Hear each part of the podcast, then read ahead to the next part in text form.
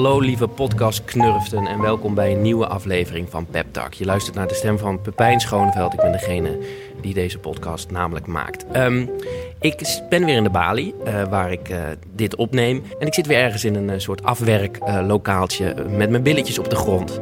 En de microfoon voor mij in de kleermaker zit tegen een koude verwarming aan dit in te spreken. Um, ik weet nog niet zo goed waar ik het over wil hebben. Uh, jullie gaan namelijk zo luisteren naar het gesprek uh, dat ik had met Daan Heerma van Vos. Uh, maar ik ben heel erg gestrest, want um, ik was vanochtend bij de apotheek. En ik kwam medicijnen ophalen die ik nodig heb, zodat ik dit kan doen. Want anders zit ik vanwege een hele andere reden op de grond tegen een koude verwarming aan in de kleermaker zit. maar die medicijnen waren op. Die waren gewoon op. Ik kwam bij de apotheek. Ik zei, ik heb hier een recept. En die vrouw zei, oh, die hebben we niet meer. Toen zei ik, hé, maar hoe kan dat? Zei ze, ja, dat weten wij ook niet. Ze worden niet meer geleverd. Toen zei ik, maar dat is raar. Want ja, ik kom hier vrij vaak en dit moeten jullie toch hebben? Uh, dat hadden ze niet. Er was iets mis met de leverancier en die hadden ze niet. Ik kon andere apotheken gaan bellen. Dat heb ik ook gedaan. Ik heb alle apotheken in Amsterdam gesproken. Als er een apotheekmedewerker luistert naar deze podcast, dank je wel dat je mijn verhaal aan hebt gehoord. Uh, maar het was op. Het is gewoon op. Het is nergens meer te verkrijgen, dat medicijn. Gelukkig heb ik een soort, een soort achteraf apotheekje een middel gevonden wat erop lijkt. Uh, dat noemen ze een generiek medicijn. En dat houdt in dat het hetzelfde bestanddeel heeft, maar het is door een andere fabrikant gemaakt. Ja, dus als volgende week er geen podcast is, dan weet je uh, hoe dat komt. Um, maar wat ik wel wou zeggen, of de gedachte die ik wel had over het gesprek dat ik had met Daan Heerma van Vos, um, gaat een beetje over aanvaarding. Ik luisterde deze week een interview met Maria Goos bij Nooit meer slapen. En zij vertelde over haar moeder en de moeder van Marcel Musters, waar ze een voorstelling mee had gemaakt. En die uh, vrouwen die waren heel goed in het aanvaarden van dingen. Uh, die vrouwen die leefden in een tijd waar ze allemaal ellende meemaakten. In hun kleine wereldje, veel kleiner dan de wereld zoals die nu is. Um, en zij waren heel goed in het aanvaarden van de dingen zonder cynisme. Dus zij konden veel meer gewoon het leven laten zijn zoals het is. En toen ik dat hoorde, dacht ik: wauw, ik zou ook zo iemand willen zijn die die dingen beter kan aanvaarden. Oh, ik krijg een medicijn wat op is. Oké, nou prima. Dat is blijkbaar hoe het gaat. Dan neem ik wel een middel wat erop lijkt. Um, dus dat zou ik heel graag willen.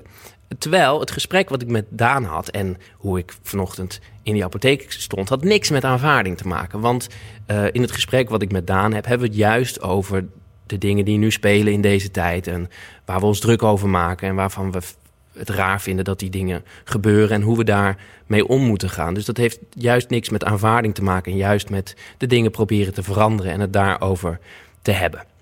Um, dus die gedachte wilde ik jullie meegeven. Laat de aanvaarding volledig los. Dit zijn twee mannen die uh, het hebben over deze tijd en de dingen die erin gebeuren. En waar ik wel heel erg blij mee was, uh, ik ken Daan goed. Ik heb hem dit jaar leren kennen. Het is een goede vriend van mij geworden.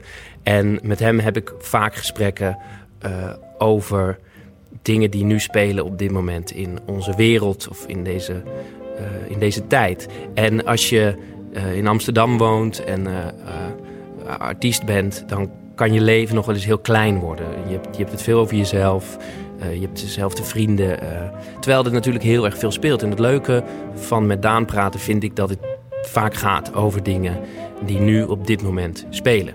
Dus um, we hebben het niet heel erg over zijn carrière, uh, die wel heel groot is hoor, maar we hebben het gewoon over de dingen die ons nu op dit moment bezighouden. Dus laat de aanvaarding los en luister naar het gesprek wat ik had met Daan Heerma van Vos. Dit rijmt, dat stond niet op de planning.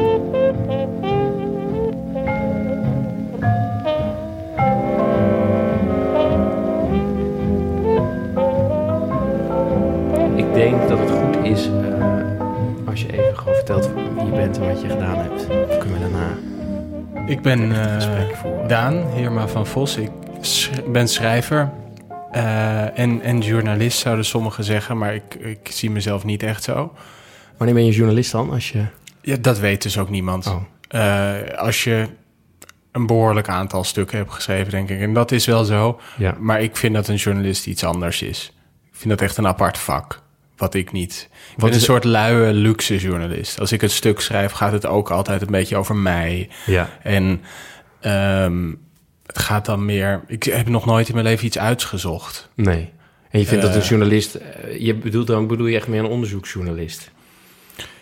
Ja, of iemand die zijn nieuws haalt. Ja. Die eh, waarde, waarde vindt in iets wat niet voor de hand ligt. Ja. Ik vind mezelf een behoorlijk voor de hand liggende journalist als ik dat ben. En schrijver, ja, en ik ben, ehm, ja, schrijver ben ik gewoon. Daar kan ik niet meer omheen. Dat, eh, die stroming is begonnen toch toen die man dat stuk schreef over Frank Sinatra? In... Daar las ik een keer iets Welke over. stroming? Nou, dat je jezelf meeneemt in een, journalist, in een journalistiek stuk. Eh, ik weet niet precies Oh. welk, welk stuk je bedoelt, maar dat, dat, ja, dat is jaren zestig of zo Ja. in Amerika. Ja. Eh, dat dat... Ja, hij ging Frank Sinatra volgen ehm, om een artikel over hem te schrijven. Ja. En eh, het, het ging niet zo goed met, met hem en zo. Hij had last van zijn stem. En het heeft hij gewoon zijn hele proces Oh ja, dat over stuk, hoe, ja. die, hoe die ja, dat is tot... new, eh, new journal, journalism. Ja. Dat is jaren zeventig, geloof ik. En daar is, is daar dat begonnen? Of, Ja, denk het. Ja. Eh, het, is een, het is een ijdele vorm van journalistiek die wel, wel een extra waarde heeft. Ja. Het laat namelijk een betrokkenheid zien van de schrijver met het onderwerp. Dus het kan je meer eh, meevoeren als lezer. Eh, het, kan, het is heel goed voor het beschrijven van subculturen. Ja. Dat iemand je echt meeneemt en uitlegt waarom die subcultuur zo eh, mooi is of zo fijn is of wat dan ook. Maar een echte journalist gebruikt geen ik Nee. een stuk. Vind ik, maar ik ben daarin behoorlijk eh ouderwets, en jij gebruikt ik. altijd ik in je stukken. Ja, dat komt er wel op neer eigenlijk, ja. Ja. Ja, behalve als ik interview. En dat, dat, dat deed ik in het begin... eh, toen ik begon met schrijven, interviewde ik vrij veel. ja. Toen was er ook geen ik. Ja. En waar heb je allemaal stukken voor geschreven? Voor, ja, voor bijna alle kranten en tijdschriften in Nederland... en ook België en ook eh, in het buitenland... voor verschillende kranten en tijdschriften. Eh, ja, dus, dus overal in Zweden, Israël. Gaat er nu iemand de hele tijd timmeren? Ja, nu gaat er iemand timmeren waarschijnlijk, ja. Dit is niet in mijn hoofd alleen, toch? Nee, nee, nee. Dit is- Dit, nee, dit vindt echt plaats. Wacht even. Het lijkt wel verdacht veel op eh, het soort geluid wat ik ook wel eens in mijn hoofd hoor. Maar Oh ja? ja, ja gewoon gedreun. Gedreun. De hele dag gedreun. Ja, Nou ja, als het nog plaatsvindt, dan is het dus in ons hoofd. Eh, ja oké, prima. Oké, dus, eh, Dus al, journalist. alle- allerlei kranten hebben, Ja. hebben we stukken, heb ik mijn stukken aan verpatst in Ja. de loop der jaren. Dat klopt. en, en boeken geschreven. Ja, en een aantal. Ja. Ja. Ik tel ze nooit echt. maar- Hoeveel, eh, weet je niet hoeveel er zijn? Ja, ik kan wel tellen. eh, twee, twee. zes romans. Oh ja. En verder nog een klein boekje en nog wat, eh, nog wat dingetjes. En welke vond je zelf de beste? Waar ben je het meeste een, trots op? boe- een boek dat ik in 2014 schreef, Het Land 32. Een heel raar een boek van 500 pagina's. Heel gek, science fiction-achtig boek... wat eigenlijk totaal geschift was, maar wel, wel te gek. Ja. Eh, vonden sommigen. Ja, En, en het, dat vonden de recensenten of mensen om je heen. eh, nee, de recensenten ervan, de helft vond het fantastisch, de helft vond het absolute shit. Oh, dat is goed toch?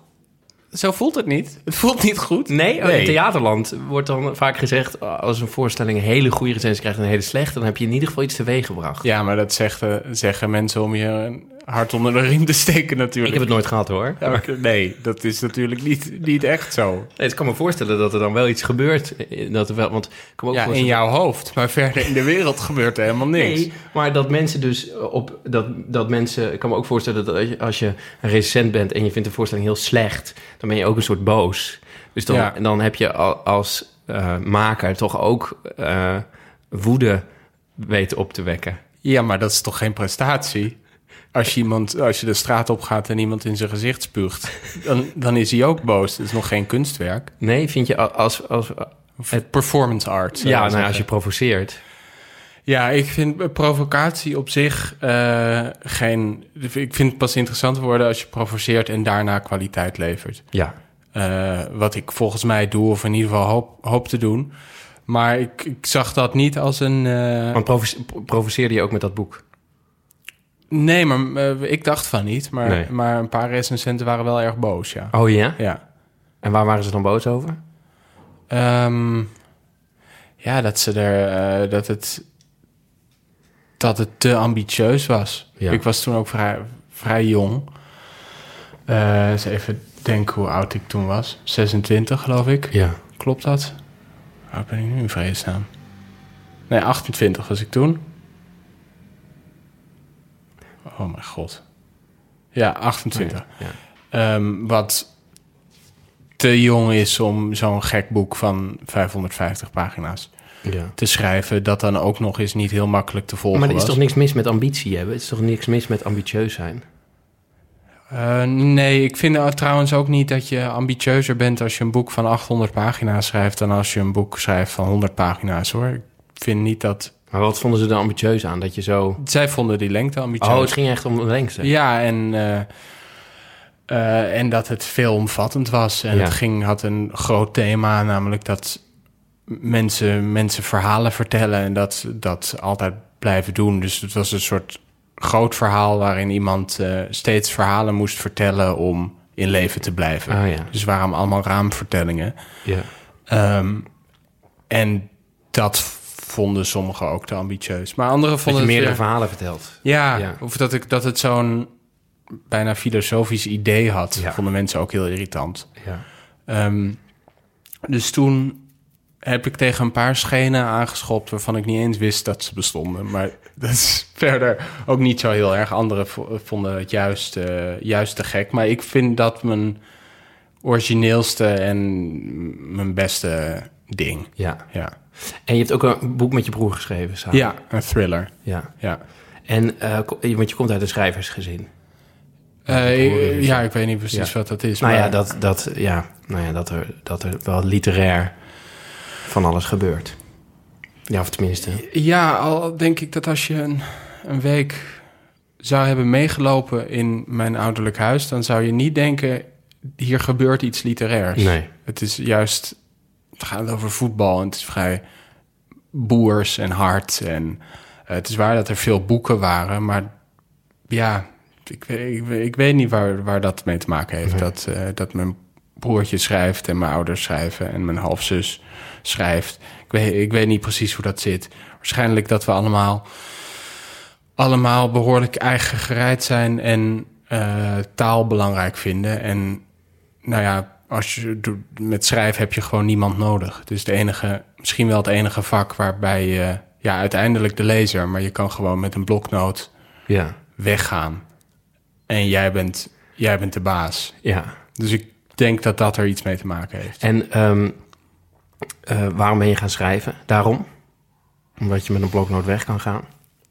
Ehm, ik denk dat dat wel meespeelde. Toen, toen ik begon met schrijven had ik daar natuurlijk geen idee van. Je weet eigenlijk niet waarom je iets doet. Het is alsof iets jou stuwt, Ja. maar je weet niet wat dat is. Eh, dus als ik nu met een theorie daarover kom, weet ik ook niet of dat waar is. Maar ik denk... eh, Of wat vind je leuk aan schrijven? De, het is eigenlijk wat ik, wat ik altijd heb ge- gedaan. Eh, niet zozeer het opschrijven, maar wel het, het niet begrijpen van de wereld en hoe ik me voel en hoe Ja. anderen zich gedragen. Gewoon een permanente staat van onbegrip verkeer ik in. Ja. En die probeer ik onder woorden te brengen. Maar probeer je het onbegrip onder woorden te brengen... of probeer je eh, grip te krijgen? Allebei. Allebei. En, en dat, is, dat is waarom ik schrijven leuk ben gaan vinden. Omdat het, dat, is, dat is wat ik doe. Ik ben voortdurend eigenlijk aan het begrijpen, eh, pogingen aan het ondernemen om de wereld te begrijpen. Ja. En taal is de beste manier om dat te doen. Gewoon het zoeken naar de perfecte typering. En als ik, als ik eh, ergens last van heb, een of ander gevoel of een. eh, of ik kom ergens en er ha- hangt een vreemde sfeer, dan kan ik uren bezig zijn met het precies onder woorden brengen van waarom ik die sfeer vreemd vond. En dan is het alsof ik één raadsel heb opgelost en dan kan ik door naar het volgende. En dat, Ja. is, dat is wat schrijven voor mij voor mij is. Het, Ja. dat, dat onderzoeken. En het liefst dat vervolgens verpakken in verhalen die andere mensen willen eh, lezen. Eh, hoe, eh, ja, dit is natuurlijk een... Ja, dat is wel ons hoofd. Ja, dit is natuurlijk een, een podcast over humor. ja. ja. Godsamme, ja. Hoe, in hoeverre speelt humor een, een rol in je werk? Nou, ik, ik, ik vind het wel belangrijk dat een tekst ook grappig is. Ja. Ehm, maar dat kan, dat kan subtiel. Ik vind boeken die geschreven zijn om grappig gevonden te worden... vind ik altijd heel pijnlijk om te lezen. ja.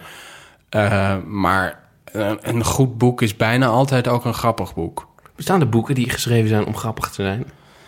Eh, ja, sowieso heel veel columns Oh ja. worden geschreven om, om grappig te zijn. Ja.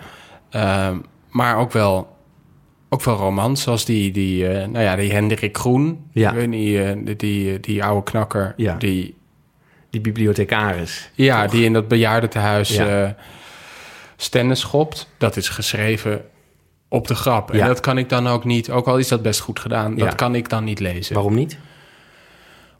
Omdat er maar één. Omdat er maar één mogelijke reactie van mij als lezer gevraagd wordt: dat ik lach. Ja. Ik heb geen keuze. Ja. Dus het is alsof er een pistool op mijn borst gericht wordt en zegt nu lachen. En dat werkt niet. Terwijl een goede roman kan heel, kan heel grappig zijn, omdat je twijfelt: is dit nou bedoeld als grap of is dit. Ja, maar dan is die roman, dan is die Hendrik Groen niet goed geschreven. Want als het goed is, eh, moet je doel nooit zijn om mensen aan het lachen te krijgen. Ja, dat is wel je doel, alleen je moet het zo doen. Dat mensen niet doorhebben dat nee, dat doel zou is. kunnen. Dat zou kunnen. Eh, dus eh, voor, voor, mij, voor mij is het wel be- eh, belangrijk. Maar ik heb een heel eigenaardig gevoel voor humor. Ja, Sommige want je, mensen, kijkt wel, je kijkt wel veel comedy. Ja, echt non-stop. Ja. ja. Ja. ja, maar dat is ook gewoon taal. maar dan voel je dus Kijk niet een pistool op je gericht. Lach nu. Nee, inderdaad, alleen als het niet goed is. Ja. Ja, dat klopt wel. Nee, misschien is het dan, eh, dan inderdaad gewoon niet zo goed gedaan. Ook al zei ik net van wel. Eh, maar ja, voor mij als lezer eh, is dat wel belangrijk. Ehm, maar ja, ik heb dus een heel eigenaardig gevoel voor humor. Ik vind, ik vind mijn boeken regelmatig grappig. Ja. Veel anderen ook. En sommigen vinden het juist heel erg ernstig. Oh ja. Eh, en dan denk ik, oké, dan, dan dat is eh, een deel wat ik er voor mijn gevoel dan heb ingestopt. Ja. Zie jij dan niet? Of wil je daar ook niet zien? Er zijn heel veel lezers willen, eh, willen ook gewoon literatuur. Eh, willen, willen ernst. Ja. Willen pijnzend kunnen, kunnen kijken als ze een boek lezen. Eh, willen alleen maar schoonheid. En iets kan niet heel mooi en heel grappig tegelijk zijn. Nee?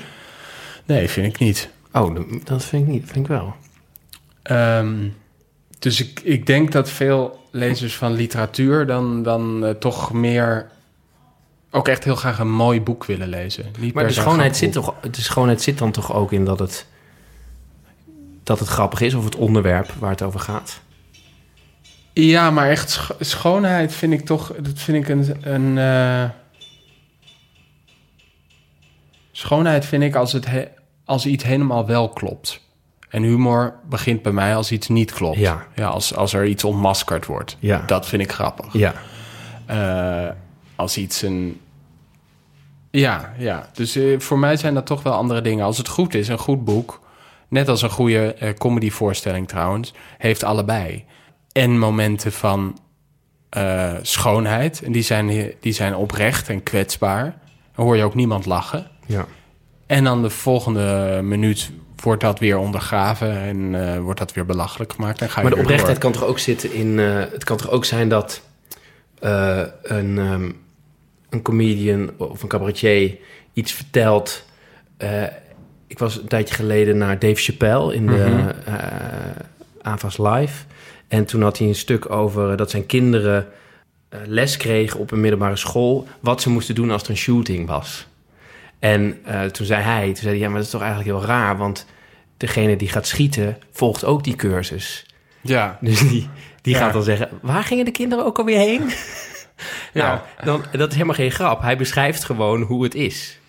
Ja, ja, maar dat is wel, is- dat is wel is. een- dat is een hele originele, grappige manier om een, om een feit te bekijken. Dat is wel een soort grap. Ik zou dit wel als Al wel grap- als grap. Ja, het is een grappig perspectief. En wat maakt het zo grappig? Ehm, Wat heeft hij gedaan op dat moment? dat hij zich eh, dat hij het vanuit een hele andere hoek bekijkt. Dus wat heeft een eh, in plaats van dat het een handleiding is voor wat je moet doen als kind, wordt het een soort handleiding voor de moordenaar. Ah ja, ja. Eh, dus het verandert je perspectief in één grappige, toegankelijke zin. En dat is wat een goede, goede grap doet. En ook een goede zin in een boek. Dus voor mij liggen die best Het- dicht het- bij het- elkaar. de grap is wanneer je perspectief verandert. Of eh, verandert, heeft hij het eh, nodig om het perspectief te veranderen om het grappig te maken? Moet je, Ehm, moet je eh, ik bedoel... Een goede grap verandert je perspectief. Ja, en daarom moet je lachen, omdat je perspectief wordt veranderd. Ja, omdat je denkt, oké, hij gaat die kant op. En ineens gaat hij een totale ka- andere kant op. Ja, ja. Daarom heb ik ook die, die show van Ha- eh, Hannah Gatsby. Eh hoe heet ook weer? Nanette? We zijn nu weg van de literatuur. hè. We gaan het nu alleen maar over comedy hebben. Prima. Eh, die, die vond ik om, om die reden ook... had ik het soms moeite mee. Oh ja? Ik- ja, omdat ik... ac- activisme vind ik niet grappig. Nee. Zij wilde... eh, activisme heeft namelijk, eh, namelijk één punt... en dat kun je niet belachelijk maken. Daar kun je niet om gaan lachen... want Nee. dat ondergraaft het hele idee. Dus ik vond haar activistische beginpunt... eigenlijk niet verenigbaar met comedy. Ja. Maar daar kwam ze ook in die show zelf op uit. Want ze zei, ik moet gaan stoppen. Ja, Want dus, dus dat vond ik heel slim. Ja, en daarom ja, is die show ook heel erg de moeite waard. Eh, maar ik vond het tot dat punt in de show niet, niet, eh, ja, niet super Het grappig. was een pamflet en niet grappig. ja. en ook een pamflet waar dat gericht was op een deel van het publiek alleen maar. Op een gegeven moment zegt ze in die show... als je als man je nu aangevallen voelt... betekent het dat je goed hebt, goed hebt opgelet. En dat vind ik eigenlijk...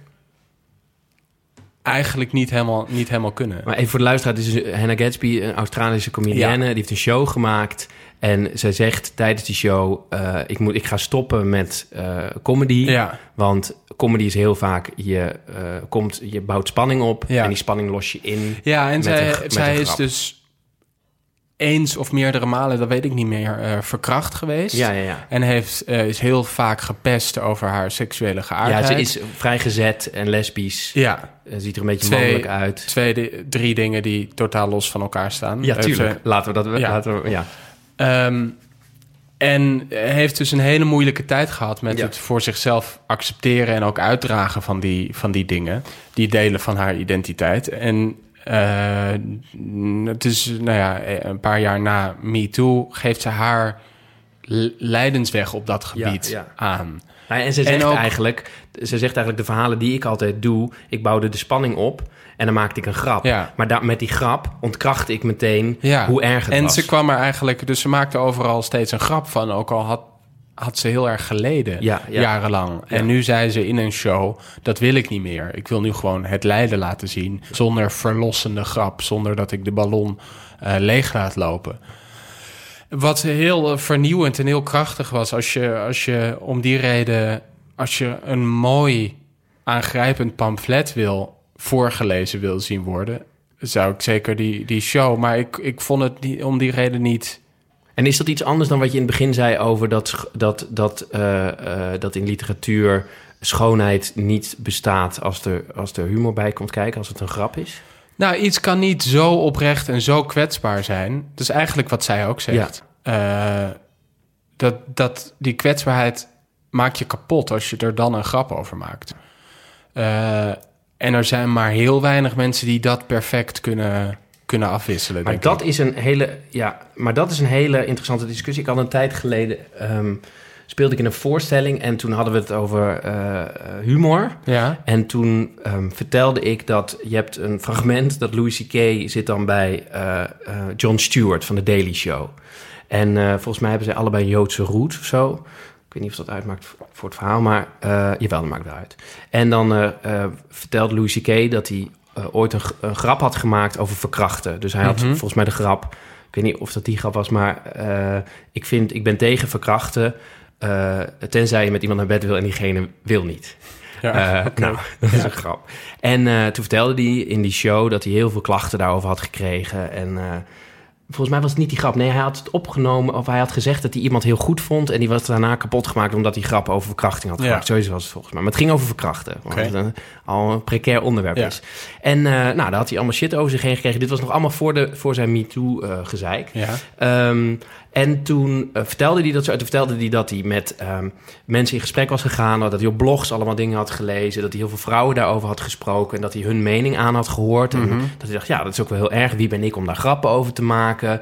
Ja, dat hij zo heel daarover na aan het denken was. En dan zegt John Stewart op een gegeven moment... ja, maar hè, wat, ben je ineens... wat ben je ineens... eh, wat ben je veranderd? Waarom Ja. ben je daar ineens eh, helemaal mee bezig? En dan zegt hij, ja, nou, ik vind het gewoon heel erg belangrijk... dat gewoon eh, mensen met elkaar praten... en dat we dan eh, dichter bij elkaar komen... en dat we dan samenkomen en then kill all the Jews. En eh, daarmee... eh, Ja. dan maakt hij een grap. Dus Ja. hij zegt eerst iets heel moois, iets heel Ja. wat, van schoonheid. En hij maakt een grap. Ik was een voorstelling aan het spelen en ik vertelde dit met een groep mensen, omdat we het over humor hadden. Ja. En nou, iedereen lachte toen ik vertelde dat hij had gezegd... en denk heel the Jews. Maar toen was er één actrice die zei... ja, maar ik vind het niet zo grappig.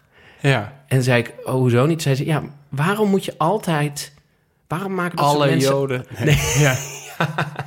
Waarom, Waarom- moet dat? Waarom moet dat nou Ja. weer? Ehm, eh, er zijn er al zo weinig. Nee, ehm, eh, waarom moet zo iemand eerst iets moois zeggen... en het daarna weer ontkrachten met een grap? Want doordat hij die grap maakt, ontkracht hij alles wat hij daarvoor heeft gezegd. Want dan neem ik dat niet meer serieus. Toen ging ik met haar in discussie, maar hij kwam er niet uit. Ja. Ik zei gewoon zoiets als... ja, maar hij is een comedian, dus hij moet grappen maken. Het is geen politicus, dus hij...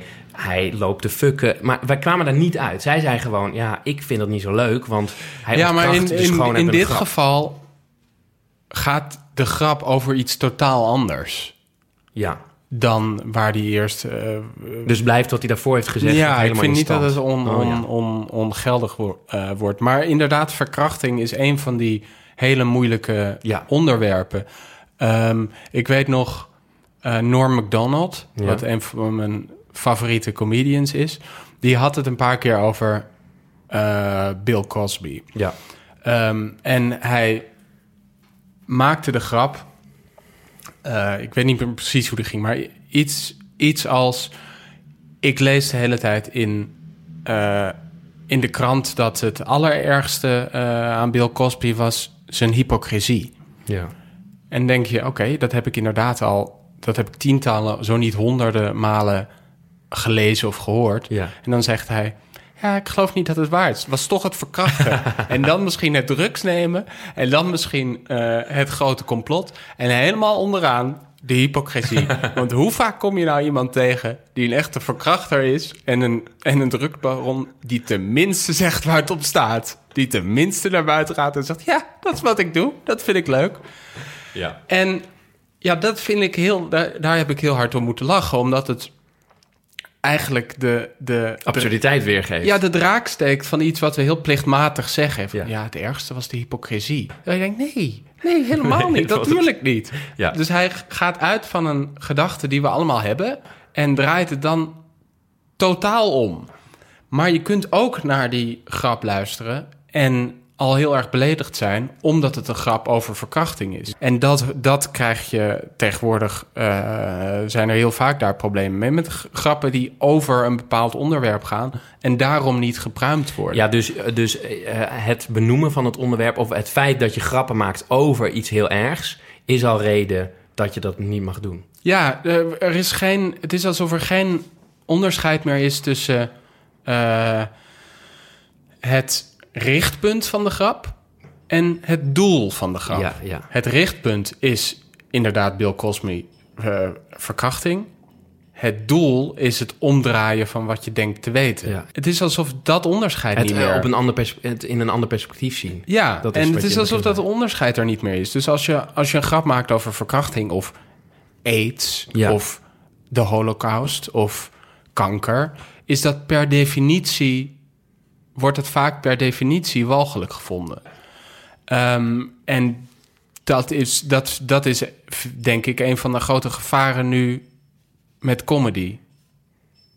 Eh, dat mensen het daarom ook niet meer durven.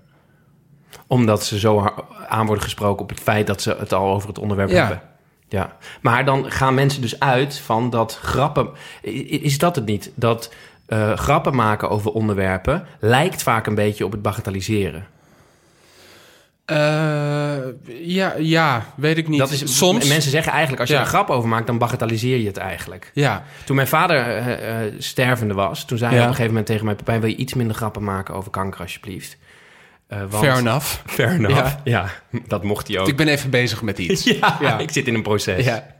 Ehm, en, en toen zei hij ook daarop, zei hij, ja, want je gaat dan voorbij aan je gevoel. Eh, waarop ik zei, nou, ik heb die grappen nodig, want als ik Ja. echt in het gevoel duik, dan sta ik niet meer op. Ja, Ehm, maar ja, hij mag dat natuurlijk ook zeggen en ik heb het ook niet meer gedaan. ja. Eh, en hij was heel snel dood, dus prima. Maar, Dus eh, daarna had je je voorstelling. Ja. ja. Maar ehm, eigenlijk zegt hij daarmee, je bagatelliseert de situatie of je bagatelliseert je eigen Ja, pijn. ik, ik zie dat precies andersom. Ik denk, als we ergens nog grappen over kunnen maken, dan Ja. kunnen we het dus aan. Een grap is voor mij zeggen, eh, Dit onderwerp kunnen we nog hebben. dit kunnen we aan. Ja. Dus eh, eh, voor mij is het niet bagatelliseren. Als je kunt. ehm, ik weet nog goed, ik weet niet meer wer- welk jaar het was, maar Sarah Silverman, ook een hele goede comedian, die, die eh, trad een keer op en die maakte, komt uit een behoorlijk joods gezin. Ja. Die maakte de grap: het ergste van de Holocaust vonden wij Joden de cost. Dus het prijskaartje. Ja, ja. We vonden alles prima, Ja. alleen het was zo duur. En dat zei ze voor een Joods publiek. En toen was het even stil. En toen moest iedereen lachen. Het bleek dus dat ze dat aankonden. Zo, zo, zolang je om iets kan lachen, kun je het aan. En natuurlijk zijn er tal. Het, is, het betekent niet dat elke grap over zoiets. Maar mijn vader kon het niet aan. Nee, maar ja, die ging ook binnenkort dood. Dus die Ja. had wel een goede reden. Eh, en het is ook.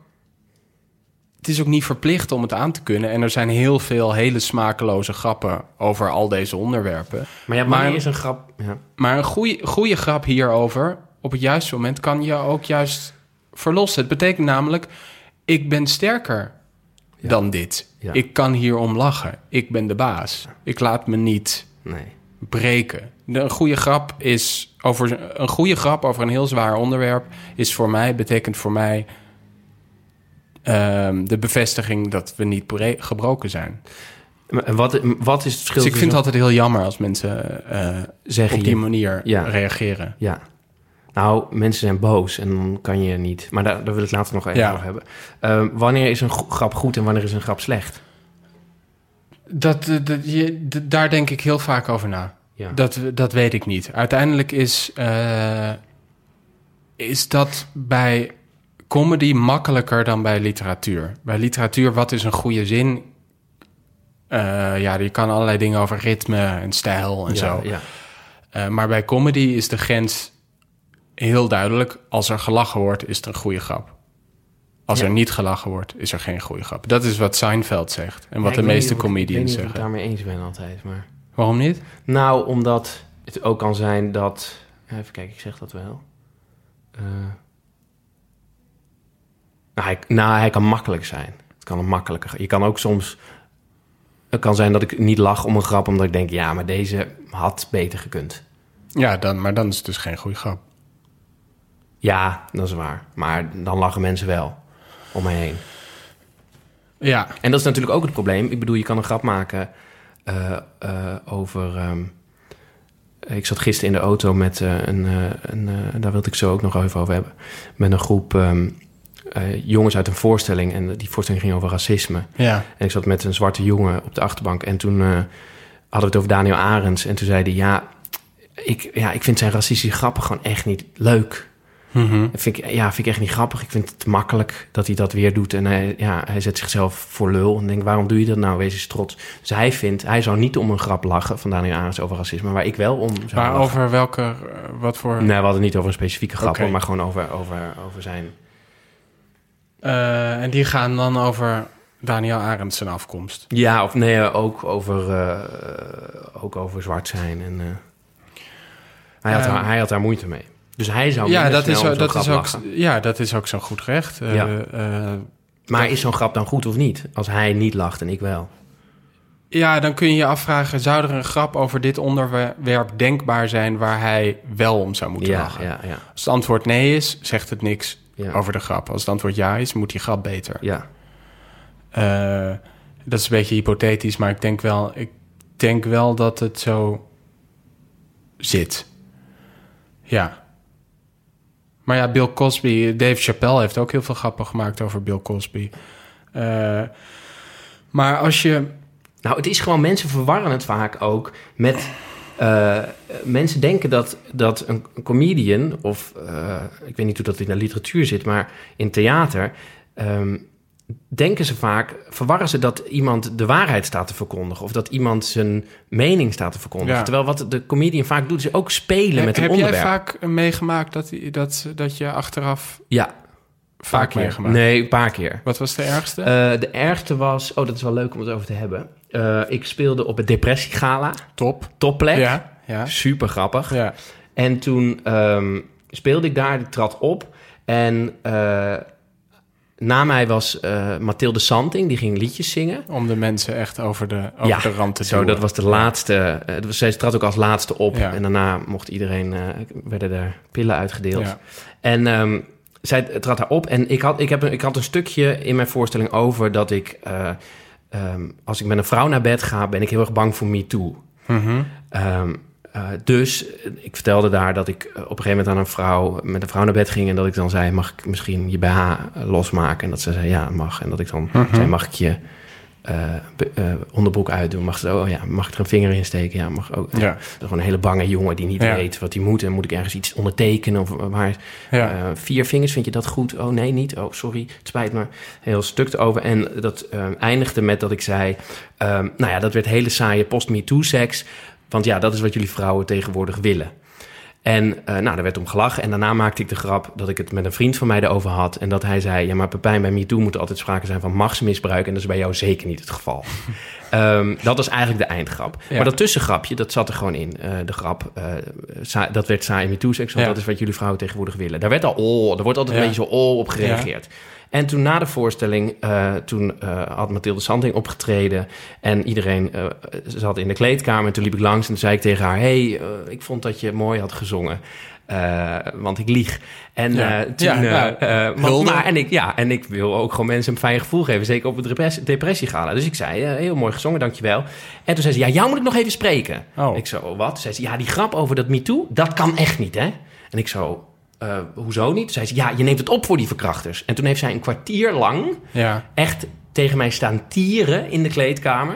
En op een gegeven moment zei ik, ja, ik kan wel de discussie nu met je aangaan, maar dat heeft niet zoveel zin, volgens mij. Toen zei ze, nou, kom dan, kom dan met Ja, argumenten. zou ik ook zeggen. En toen zei ik, nou, eh, dat stuk gaat helemaal niet over dat ik het opneem voor die verkrachters. Mhm. Dat stuk gaat erover dat een jongen zo bang is tegenwoordig dat hij niet meer weet wat hij moet doen. Dus dat Ja. stuk gaat over eh, een jongen die, ja, die niet meer weet hoe die met een vrouw na- Ja. naar bed gaat. En dat het daardoor heel saai wordt. En dat hij denkt dat dat komt door de MeToo. Dus dat, ja, dat, dat, Ja. dat het eigenlijk verpest is. Eigenlijk Ja. is door de hele MeToo mijn seksleven verpest. Ja. Ehm, maar ik kwam er niet goed uit. Ik kon namelijk niet goede argumenten. En dat vind ik het, aller, dat vind ik het allervervelendst als mensen kwaad zijn. Ten eerste, ook al heb je goede argumenten, dan nog is iemand zo boos. Er is nog nooit voorgekomen dat iemand heel boos is en dat je allemaal argumenten geeft en dat diegene zegt: oh, nu, oh, nu is de woede weg. Ja, ja. Nu is de- dat Nee, komt dat nooit niet. voor. Ehm, en ten tweede vind ik het vervelend als ik niet de juiste. Ik kon eigenlijk niet met goede argumenten komen. En ten derde, het was Mathilde Santing. En ten derde, eh, ja, want op een gegeven die moment. eh, gewoon de- staat af te blaffen. ja, die mij staat af te blaffen op het depressiegala. Ja. En het was ook zo, de technicus die keek me op een gegeven moment aan... en die schudde zo van, jongen, lekker laten gaan. En het schijnt ook dat zij gewoon dat altijd doet. Boos worden. Nou ja, dat zijn Over hele, MeToo. Oh ja, zij is een hele heftige vrouw. Volgens mij heeft ze zelf ook dingen meegemaakt. Want op een gegeven moment zei ze ook... het zijn ook altijd jonge actrices, hè. Ze doen het ook altijd. En dan eh, dus zat ik in de kleedkamer en dan... Nou ja, dus daar zat gewoon heel veel kwetsuur onder. Ja. Maar eh, die grap, vind jij dat die kan of niet? Ik heb hem uiteindelijk toch aangepast. Wat slap. Nou, wat ik heb gedaan is, ik dacht, ik dacht hij is te makkelijk. Het is te makkelijke grap, want ik ben het ook niet mee eens. Ik vind Me Too, eh, dat het, dat het is wel echt doorgeschoten, maar ik vind het goed in eerste instantie dat het plaats heeft gevonden. Um, ik heb er nu van gemaakt dat ik zeg, um, dat werd hele, hele saai post-Me Too-seks. Um, en ik vind het heel goed dat MeToo plaats heeft gevonden. Want die mannen die hebben van alles verpest. Die hebben echt zoveel dingen kapot gemaakt. Die hebben namelijk mijn seksleven kapot gemaakt. En dan ga ik door naar die eindgrap. Dat vond ik een net iets intelligentere grap. Omdat ik nu zeg dat die mannen uh, de schuld zijn in plaats van de vrouwen. Maar goed, ja. ik ben gezwicht. Nee, maar het is een... enige waar ik bij jouw eerste grap over aarzel is... Uh, dat je zegt, want dat is wat jullie willen. Ja. Uh, want daarmee maak je eigenlijk twee kampen en lijkt het even alsof je serieus bent. Ja. Um, maar natuurlijk mag die grap en heeft die grap ook helemaal niks te maken met Me Too. Me Too, en het klinkt alsof deze vrouw hele, hele vervelende, erge dingen heeft meegemaakt. Uh, die volkomen losstaan van jouw grap. Ja, ja. Die Nou gaat ja. over seksueel ongemak. En het is een heel, ik vind het een heel legitiem punt. Want MeToo gaat eigenlijk over het uh, overschrijden van seksuele grenzen van de vrouw. Die het gevoel heeft dat ze geen keuze had. En seks gaat om het aftasten van waar de grenzen aan de, zijn. Dat is het erotische spel. Dat, Ja. je, eh, dat je zoent, ja, mag dat? Oké, we gaan door. Dat je eh, eh, borsten aanraakt, dat je denkt, oké, we, we gaan door. Dus het is sowieso aftasten waar de grens is. En dat is veel moeilijker als de vrouw na afloop kan zeggen... je bent een grens overgegaan. Want in het begin wist je niet waar die grens Ja. lag. En dat is gewoon, dan heb ik het over het dagelijkse seksuele verkeer. Dan heb ik het niet over de eh MeToo-schandalen. Nee, wanneer inderdaad. het Dat is iets volkomen, anders namelijk. Ja. volkomen Dat duidelijk over is... machtsmisbruik. Ja, waar die grens ligt. Namelijk dat er überhaupt seks is. Want de een is de baas en de ander eh, heeft daar een, een, een, ja, is afhankelijk van die baas. Dat is iets heel anders dan ons dagelijks seksuele verkeer. Dat draait om grenzen. Om het aftasten daarvan. Om, om grijze gebieden. En als dat niet meer kan, dan. Ja, als je, als je te bang bent, dan kun je, kun je, geen, Nee. kun je geen erotiek meer hebben. Nee, en dat, daar gaat Wel het stukje seks, over. maar geen erotiek. Maar daar ging dat stukje over, dat dat, dat, dat geen ero- dat was niet meer erotisch. Nee. Want ik wist niet wat ik moest. Nee. In het stukje in het echt wel. En dus ik vind dat heel... vind het helemaal losstaan van MeToo... wat een hele goede, be- goede beweging is Ja, geweest. ja. Maar het heeft ook goede bewegingen kunnen eh, eh, gevolgen hebben voor ons allemaal... waar we dan vrijelijk over moeten nadenken Ja. hoe we daarmee omgaan. En grappen maken lijkt me de beste manier om dat te doen. Dus Mathilde Santing... fuck you! Nou, ze was ook nog kwaad. Dat is ook wel grappig. Ik heb namelijk ook de grap dat ik zeg... mijn, eh, mijn ex is vreemd gegaan. Ze was in Zurich voor haar werk... en toen Ja. is ze op een Zwitser zakmes gaan zitten. Oké, ja. Daar was ze nog kwaaier over, omdat ze zei... dat is een gruwelijk beeld wat je in mijn hoofd plaatst. En toen zei ik, ja, maar dat doe je echt zelf. Eh, Het is gewoon beeldspraak. Ja, maar dan moet je ook een mes aan je eigen eikel zetten. Oh mijn god. Ja, dat was heel heftig. Toen ben ik ook weggelopen, volgens mij. Mes aan je eigen eikel, dat is nieuwe, nieuwe plaats. Nou, zij vond dat ik er dan ook... Ik zo, ja, maar dit is toch gewoon een hele grappige... Dat is toch gewoon een goede grap. Het wordt gewoon omgelachen. het is goede wel grap. goor. Het is goor. Het is echt goor. Maar ja, vreemdgaan is ook goor. En dat, ook gaat dat weer over een jongen die kwaad is.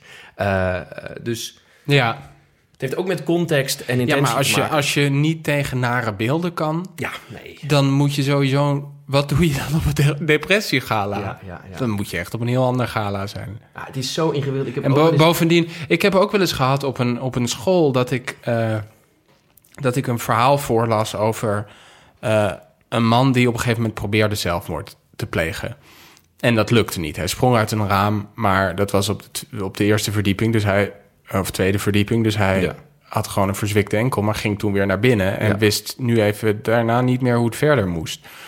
Eh, wat hij daarover moest vertellen. En één meisje in de klas, het was een vierde klas, had daar heel erg had daar moeite mee, omdat ze vond dat er een trigger warning op had moeten staan.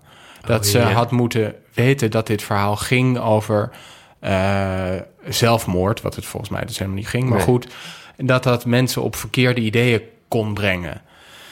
Eh, dat, dat is natuurlijk heel problematisch, het idee van de trigger warning. Want dan kun je kunst Nee, gewoon Maar dan kan je niet meer afschaffen. veraf, verrassen. Ja, nee, dat, dat kunst is een trigger. Dat is gewoon, als, als ik kunst zou moeten omschrijven, eh, zou ik zeggen, het is een trigger. Dus die hele eh, overgevoeligheid speelt ook nog mee. Ja, het klink- klinkt alsof eh, mevrouw Santing ook gewoon. God hebben haar ziel, ja, Eh, ook nog eens, ja, gewoon heel erg bang is voor nare beelden en nare dingen. Ja, ja, ja, zeker. Ja, maar dan moet je niet naar een comedian gaan. Nee, maar ze, Moet je ook geen boek lezen. Dan moet je gewoon in feutushouding op de bank je eigen maar hits ik van wel neurieën. Ik wil wel... eh, zij heeft wel al het Een recht... kijk van een stem. Nee, zij heeft wel al het recht om naar mij toe te gaan en dit te zeggen. Oh ja, tuurlijk. Maar mensen zijn zo boos dan, want ze Nou ja, zijn ik, gekwetst. ik En weet dan kan je niet geen gesprek waarom, hebben. Waarom heeft ze het recht om daar verhaal te gaan Je mag naar halen bij iemand jou? toe gaan en zeggen... eh, nou, ik denk wel dat het wel belangrijk is eh, in, in deze tijd...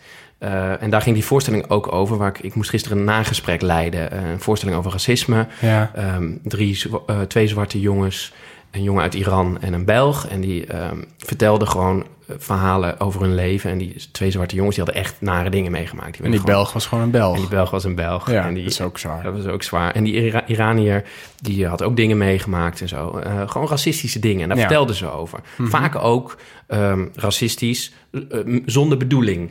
Dus Ja. grappen, er werden dan grappen gemaakt. Eh, dus dan, eh, die jongen uit Iran, die zat dan bij de dokter. En toen zei de dokter, eh, ehm, nou, je moet wel gaan fietsen. Maar ja, dat doen jullie natuurlijk niet. En Ja. hij dacht, hoezo? Ja, maar je komt toch uit Noord- of uit Marokko of zo? Dat- nou, Mhm. Dus dat is een grap Ja. die racistisch is. Want hij zo, hoezo, hoezo? Nou, ja. ehm, die voorstelling, het was niet een pamflet. maar hoe kan een Belg... Het was gewoon een, act- een witte acteur die ook meedeed. Maar die had geen... Ja, die speelde andere rollen. Oké, maar was die ook, had die ook te maken gehad met racisme? Eh, nee, want die speelde andere rollen. Dus het ging vooral om die... Het was gewoon een witte acteur. Oké. Het had ook een Nederlander kunnen zijn. Maar en die, haalde de koffie? Of ja. wat zei die tijdens het Nee, gesprek? die speelde bijvoorbeeld een psycholoog in de voorstelling. Oh, Of, die speelde de racist eh, steeds. Nee, nee, nee. Ja, af en toe wel. Eh, op een gegeven moment deden ze ook een scène na van Jack Spijkerman... die bij Umberto Tan zegt... je bent niet alleen donker, maar ook nog eens dom. Oh ja, dat Eh, weet en, ik nog. En ja. hoe Jack Spijkerman daarop reageert... dat schijnt dus de racial freeze te zijn. Dus dat je even zo denkt... oké, ga ik hier tegenin... of ga ik gewoon lachen en laat ik het voor wat het is? ja. Dat is heel vaak de, eh, wat er gebeurt in... eh, eh, wat die jongen vertelde, dat heb, die zwarte jongen vertelde... dat heb ik heel vaak in mijn hoofd. ja. Ga ik hierop in of niet? ja. Ehm, en ehm, nou, die voorstelling ging daar heel erg over. En toen. Eh, en ze hadden die voorstelling gemaakt niet uit een soort van jullie discrimineren allemaal, maar eerder het gevecht te laten zien. Want op een gegeven moment gaan die twee zwarte jongens ook krijgen ruzie, omdat de een zegt: Ik wil het niet de hele tijd over mijn huidskleur hebben. Ik wil deze voorstelling hebben we maken we omdat we geld hebben gekregen, omdat het over onze huidskleur gaat. Dat wil ik niet meer. Die loopt weg. Die andere zwarte jongen zegt: Jawel, we moeten strijden voor het goede doel. Ik ga er tegenin. Dus dat is heel mooi, was Ja. dat. En, maar die voorstelling was eigenlijk gemaakt om bewustwording te creëren. ja. Eh, dus er zaten heel veel witte mensen in het publiek en die waren allemaal in shock. Terwijl ik sprak na die tijd een zwart meisje en die zei: Ja, dit maak ik super vaak mee. Voor mij was dit Waarom waren alleen maar in shock? Nou, omdat die witte mensen dachten: eh, Overkomt dit jullie echt? En wat mag ik wel zeggen en wat mag ik Ja. niet zeggen?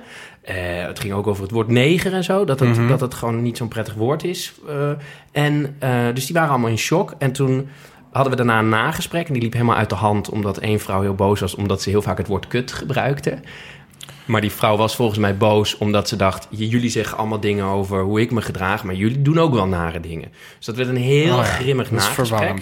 Maar het, het grappige was dat eh één man, er was één man en die nam het op eh, voor ons. Want die zei, ja, maar mevrouw, als je het woord kut naar vindt... dan had je 40 jaar geleden. Eh, want dat, is al, Ja. dat, gebruikt, dat woord gebruikt Ja. iedereen. Dus dat had je 40 jaar geleden stampij moeten maken. Dus wij dachten allemaal, die man is aan onze kant. Nu Ja. had die Iranier, die vertelde dat hij na die tijd met die man aan het praten was. En dat die man op een gegeven moment zei... nou, ga maar een lekker biertje drinken, hè? Waarschijnlijk non-alcoholisch. En dat hij toen dacht... waar heb je anderhalf uur naar gekeken? Waar heb je naar gekeken? Ik heb net gezegd dat dit soort grappen... Hij vond het heel grappig, maar hij dacht wel... ja, dit... eh, maar ja, ja zo'n man mag een grap maken. Oh ja, ik wou het zeggen, omdat... als Mathilde Santing naar mij toe komt en boos is... eh, ik vind het wel goed als iemand ja, dat je dan toch de discussie aan kan gaan. En dat je ook, dat ik ergens... Oh, het ergste was nog namelijk in dat gesprek, daarom kom ik erop... dat die vrouw zei, jullie gebruiken heel vaak het woord kut... en dat vind ik niet fijn. En toen zei ik, oh, maar mevrouw, wat vindt u daar precies vervelend aan? En toen was er een andere vrouw in het publiek en die zei... en dat vraag je aan een vrouw? En toen zei ik, oké, nu moet je even je mond houden... We hebben hier een gesprek over begrip. Dus ik ben echt oprecht geïnteresseerd waarom deze En vrouw... bovendien, je vraagt het niet kut aan een vrouw, je vraagt het aan degene die net heeft Exact. gezegd. Nou ja, dat is totaal crazy. Maar het gaat erom dat eh, als je het over gekwetstheid hebt, dat het wel gaat om dat ik het goed vind als je weet waarom het het ander kwetst. Het is, het is goed om te weten waarom die Iranier het vervelend vindt als zo iemand tegen hem zegt, waarschijnlijk non-alcoholisch. Ja. Want dan kan je denken, oké, ik kan die grap ook niet maken. Of vind je, Ja. dat een, vind je dat je altijd grappen moet maken, ongeacht of je mensen kwetst of niet? Waar ligt de Ik balans? vind dat je altijd grappen moet kunnen maken. Als het een goede grap is. En als de setting ernaar is. Je had het over een dokter. Dat is niet het moment. Eh, Zo'n man achteraf. Ook niet het moment. Maar dat een comedian op een podium een grap maakt... die volgens sommigen te ver gaat... ja, dan moet je niet naar een comedy sh- Dat is show de gaan. context. De context is het is een Ook? comedy show. Ja, en, en, ehm, en ik vind dat gekwetstheid te, te belangrijk is tegenwoordig. Dat dat heilig is verklaard. Ja. Dat je als iemand zich ongemakkelijk voelt of gekwetst is, dat hij dan dus gelijk heeft. Vind ik iets, vind ik iets heel anders. Als ik gekwetst voel, eh, me gekwetst voel, en dat is wel eens, ehm, dan ga ik eerst nadenken over waarom ik me gekwetst voel. Als mensen dat maar eens zouden, zouden doen, dat ze eh, zonder meteen. Het is alsof mensen het niet meer aankunnen om zich gekwetst te voelen. En dan meteen een verhaal gaan halen Mhm. Nou, bij de degene de die ze schuld. kwetst. Jij hebt mij gekwetst, meteen- dus jij moet... eh, Terwijl het is. Iedereen voelt zich dagelijks ge- Ja. gekwetst de hele tijd. Hoort ook gewoon een beetje bij mens zijn. En soms is dat terecht dat je je gekwetst voelt, maar vaak ook niet. Maar denk er gewoon even over na in plaats van dat degene die jouw gekwetstheid heeft automatisch de boeman is. Want zo, zo werkt het niet echt. En dat iets. eh, en dan, dan kom je er bijvoorbeeld op de vraag: ben ik gekwetst omdat die persoon eh, lomp is geweest in wat hij heeft gezegd? Of heeft hij me gekwetst omdat het allemaal nare herinneringen in mij heeft losgemaakt? ja. Eh, in het tweede vind ik dat je een punt hebt. Want ook, eh, nou ja, lomp is gewoon een gebrek aan aandacht. Dat is gewoon een gebrek aan gevoeligheid. En iedereen moet wel enige gevoeligheid Ja. opbrengen. Maar dat tweede, eh, ja, dat ligt niet bij de ander. Dat ligt aan dat jij toevallig nare herinneringen eh, hebt daarover. En dat is heel vervelend. En eh, daar moet ook niet lacherig over gedaan worden. Maar het is nu te vaak krijgt de willekeurige aanleiding de schuld. Dus ik, ik, ik vind dat dat hele gekwetst zijn eh, echt onder de loep genomen moet worden.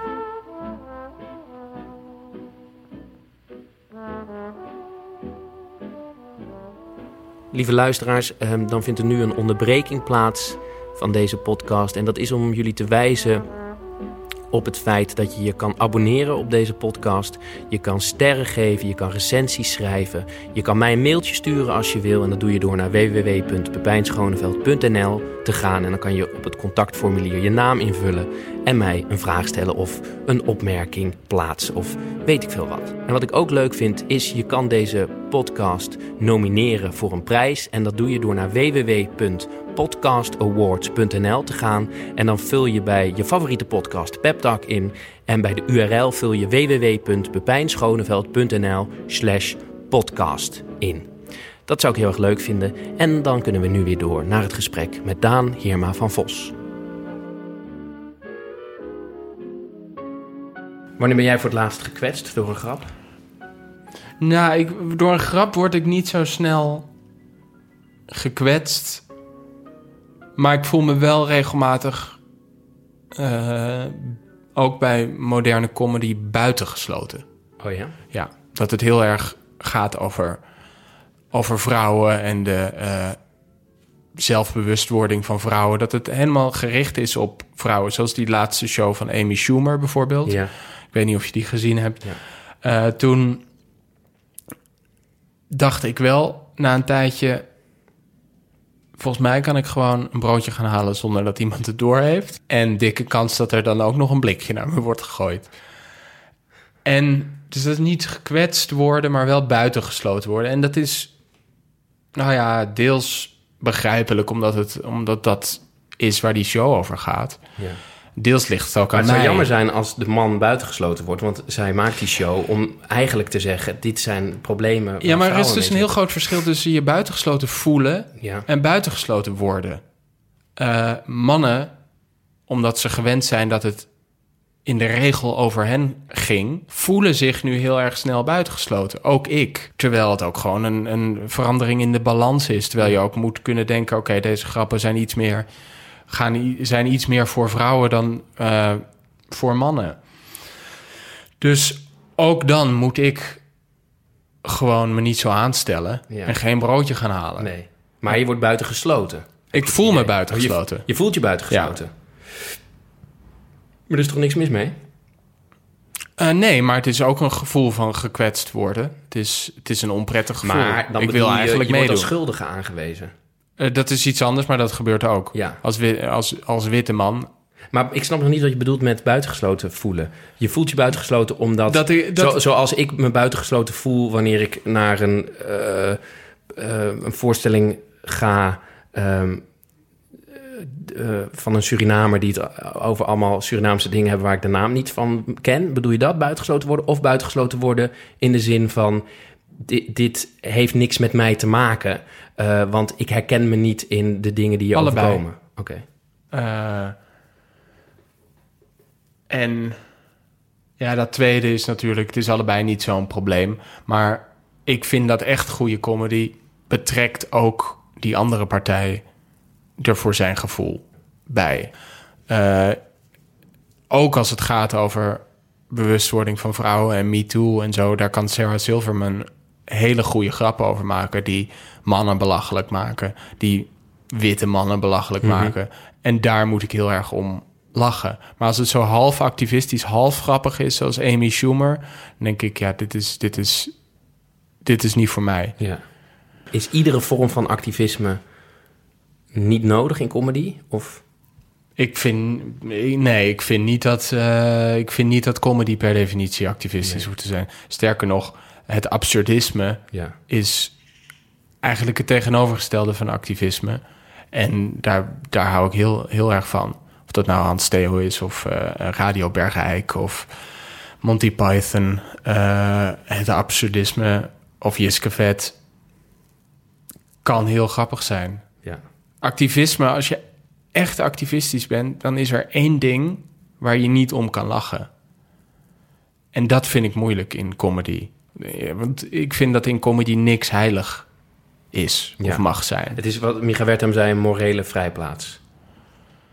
Eh, ja, dat vind ik wel de meest deprimerende manier om.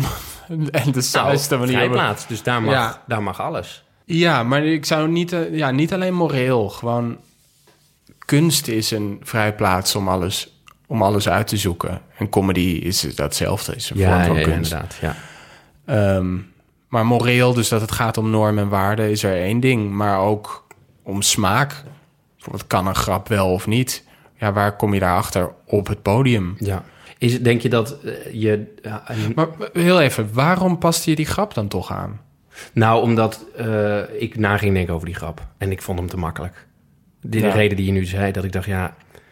Ik ben het niet mee eens. Ik had ook altijd, als ik hem deed... Dat ik, voelde ik me een beetje Joep van het Hek. Oké, dat is geen goed gevoel. ik denk dat zelfs Joep, de, Joep van het Hek kan zeggen... ja, nee, ik voel me te veel Joep Ja, want toen dacht, toen, voelde ik me, toen dacht ik, ja, ga ik nou... Ik, ik, ik voelde me heel oud als Ja. ik die grap maakte.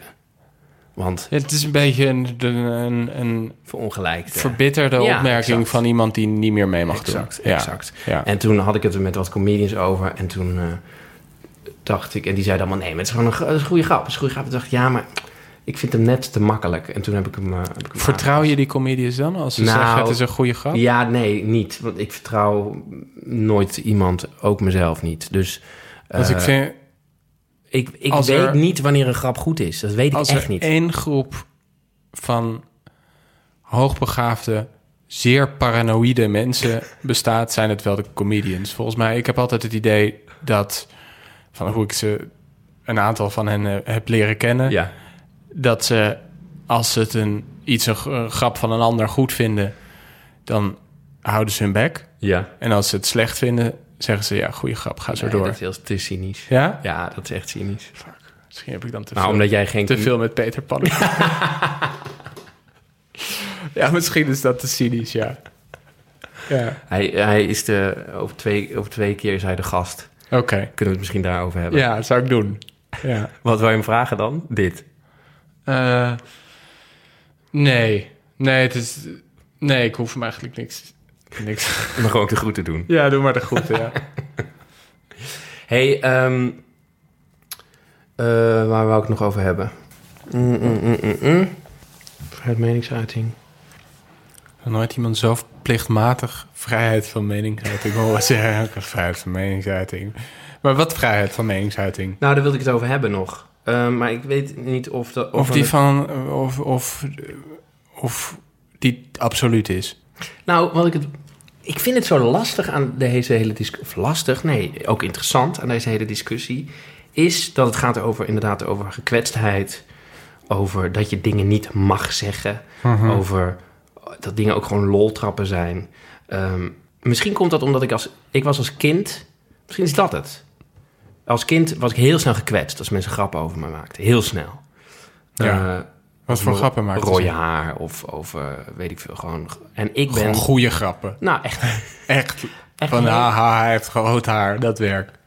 nee, echt hele goede grappen. Ja. En eh, ik heb de neiging dat als ik in een... Want als ik in een grote groep heteroseksuele mannen ben... Ja. dan ben ik de lul. Oké, ja. Maar dat vind ik ook... Ja, dat vond ik als kind heel vervelend. Ik ben de, de underdog, ik ben de lul. Alle Ja. grappen gaan op een gegeven moment... Want Er is een, een hele gekke dynamiek als je, als je een, meer dan tien me- eh, mannen bij elkaar zet. Heel ontstaat er een gekke ja, het, dynamiek apen, waar, het zijn apen. En waarin de meest sadistische lul Ja, is dan ineens het coolst. ja die Ja. is het coolst. Die is de baas. En Nee, dat klopt. Ik zag een keer zo'n documentaire over apen. En wat ze dan ook doen, is dan, dan zijn twee mannetjes die zijn dan aan het, aan het vechten voor, de, voor wie, de, wie de hoogste is. En dan pakken ze vaak de zwakste. Ja. Nou, ik ben die. Jij ik ben bent die, aap. Die, die aap die al die Die in een kleine, hoekje zit. kleine rode aap. Die kleine rode aap. Die ze pakken.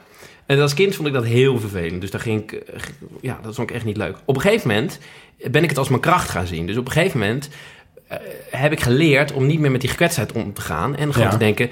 ehm, wat ik namelijk wel vind is... je maakt vaak grappen over dingen die je aangaan. Dus, die je, eh, dus als je een grap maakt over iemand anders... daarmee zeg je vaak... inderdaad wat jij ook zegt... volgens mij kan je het aan. Daarom maak ik deze grap. Het is ook vaak spanning wegnemen. Dus ook, Ja. oké, er is een verschil tussen ons. Eh, ik zat gisteren dus met die zwarte jongen naast me in de auto. Ik wilde toch grappen maken, omdat ik dacht, ja, er is een spanning en die moeten we inlossen. Want dit is heel onprettig. Ehm, dat is ook wat die man deed bij de Iranier, volgens mij. Het was ongemakkelijkheid en je, en je maakt een grap. Mhm. Ehm, hoe de, hoe de, ja, sorry, ga door. Wat wij zeggen? Nee, hoe, hoe loste jij dat op? Welke grappen maakte je om de spanning weg te nemen? Ja, weet ik niet meer. Nou, wat ik wel interessant vond aan wat we het in de auto over hadden, is dat, dat ze zeiden, die jongens zeiden ook, het heeft allemaal met. Want ik zei op een gegeven moment, ja, wat, ik weet ook dan niet wat ik wel en niet kan zeggen en welke grappen ik wel en niet mag maken, Mhm. als jullie dat zo heftig vinden.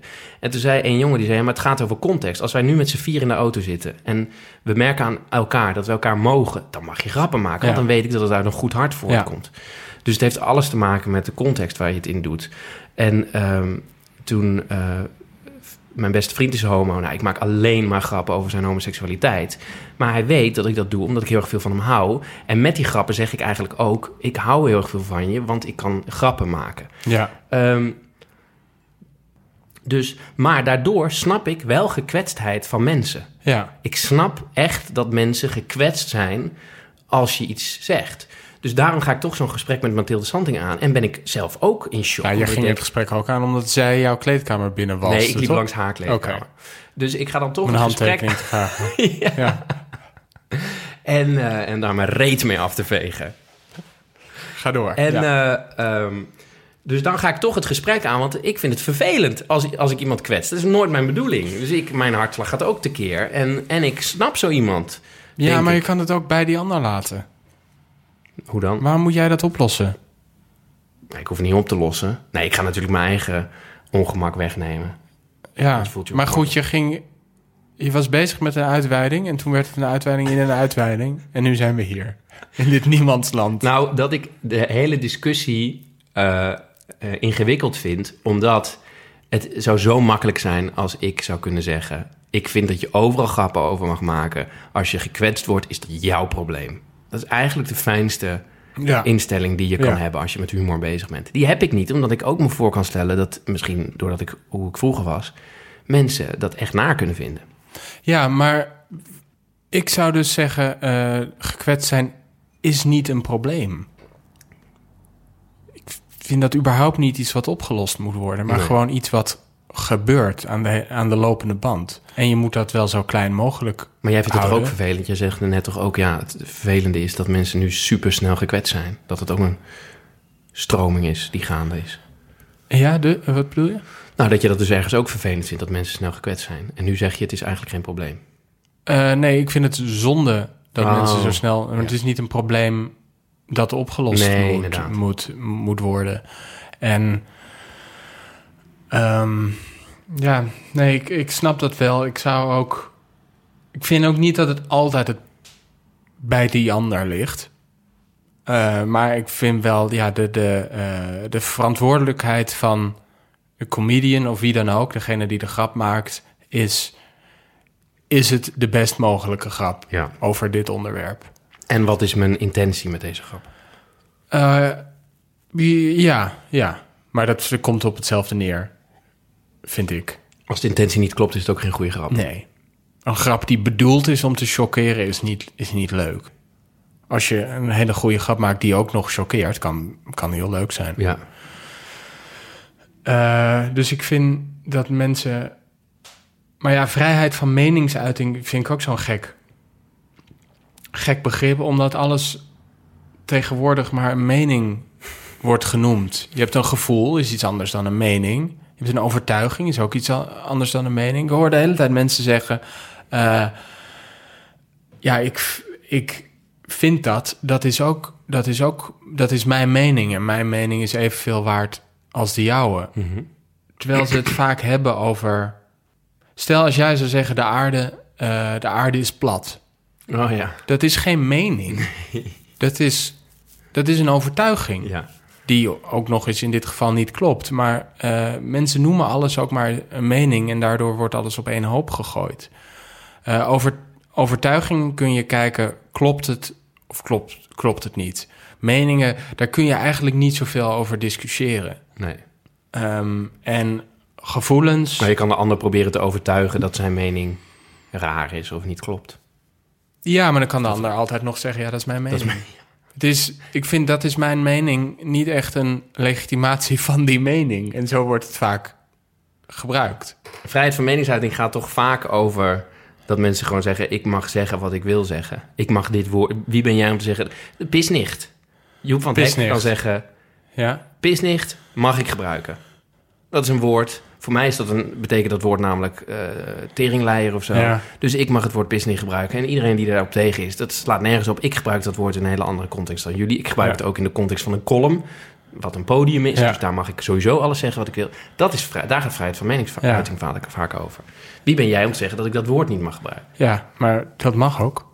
Hij mag het gewoon gebruiken. Ja, Ja. ik, ik vind dat elk woord gebruikt mag worden.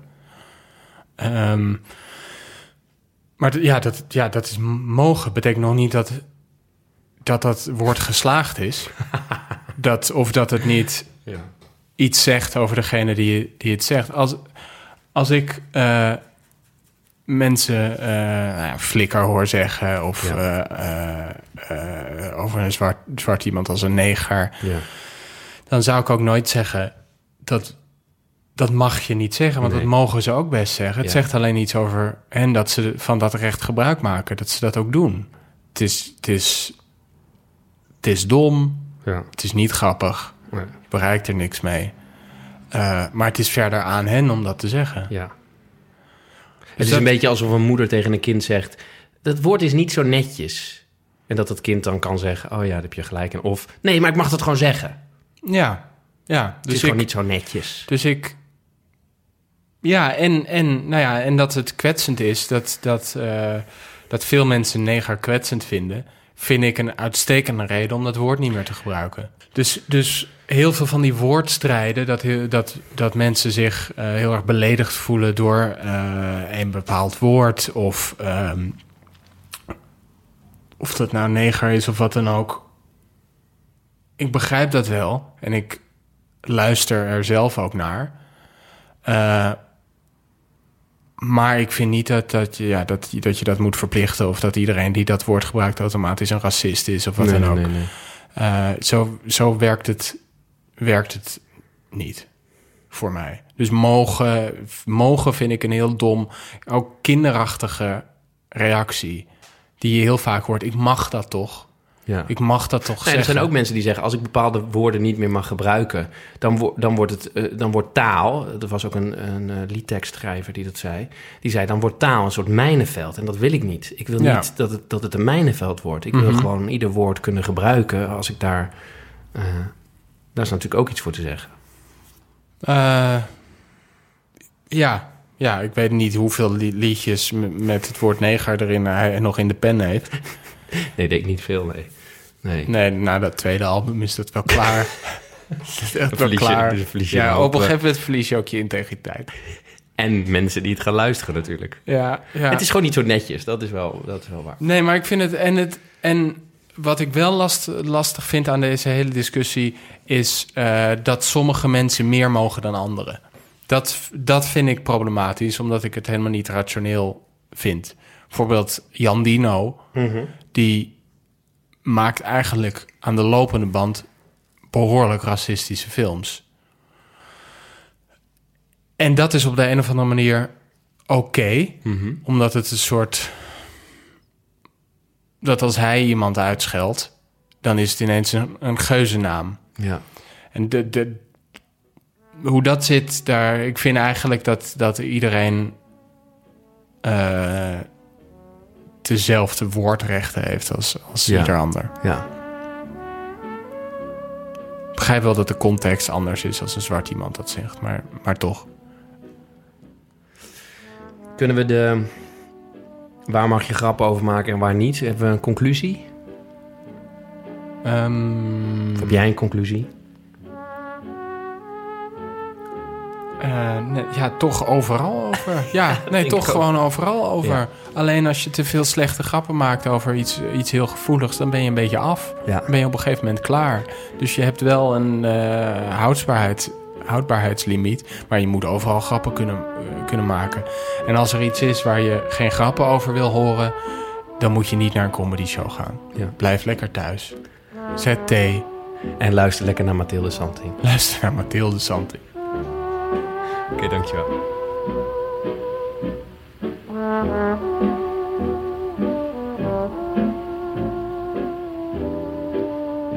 Lieve luisteraars, dit was mijn gesprek met Daan Heerma van Vos. Ik hoop dat je ervan genoten hebt. eh, dat je even niet eh, het leven hebt aanvaard zoals het is. En dat je boos bent of gekwetst. Of eh, juist niet. Ehm, en dat je nu weer afstand kan nemen en het leven weer kan aanvaarden voor wat het is. Want dat ga ik in ieder geval wel proberen. Ehm, mijn volgende gast is Jim Dennis van Jordy Season en Jordy Film. Ik verheug me heel erg op het gesprek met hem, want hij is namelijk iemand die helemaal niet op mij lijkt. Ehm, dus dat lijkt me heel erg leuk om met hem te praten. Ik ken hem nog toen wij samen op de toneelschool zaten. Ehm, en ik spreek hem volgende week. En volgende week zullen jullie dat gesprek hoogstwaarschijnlijk, mits het generieke medicijn niet hele rare dingen met mij doen, eh, kunnen beluisteren. Ehm, op alle podcastkanalen. Dag.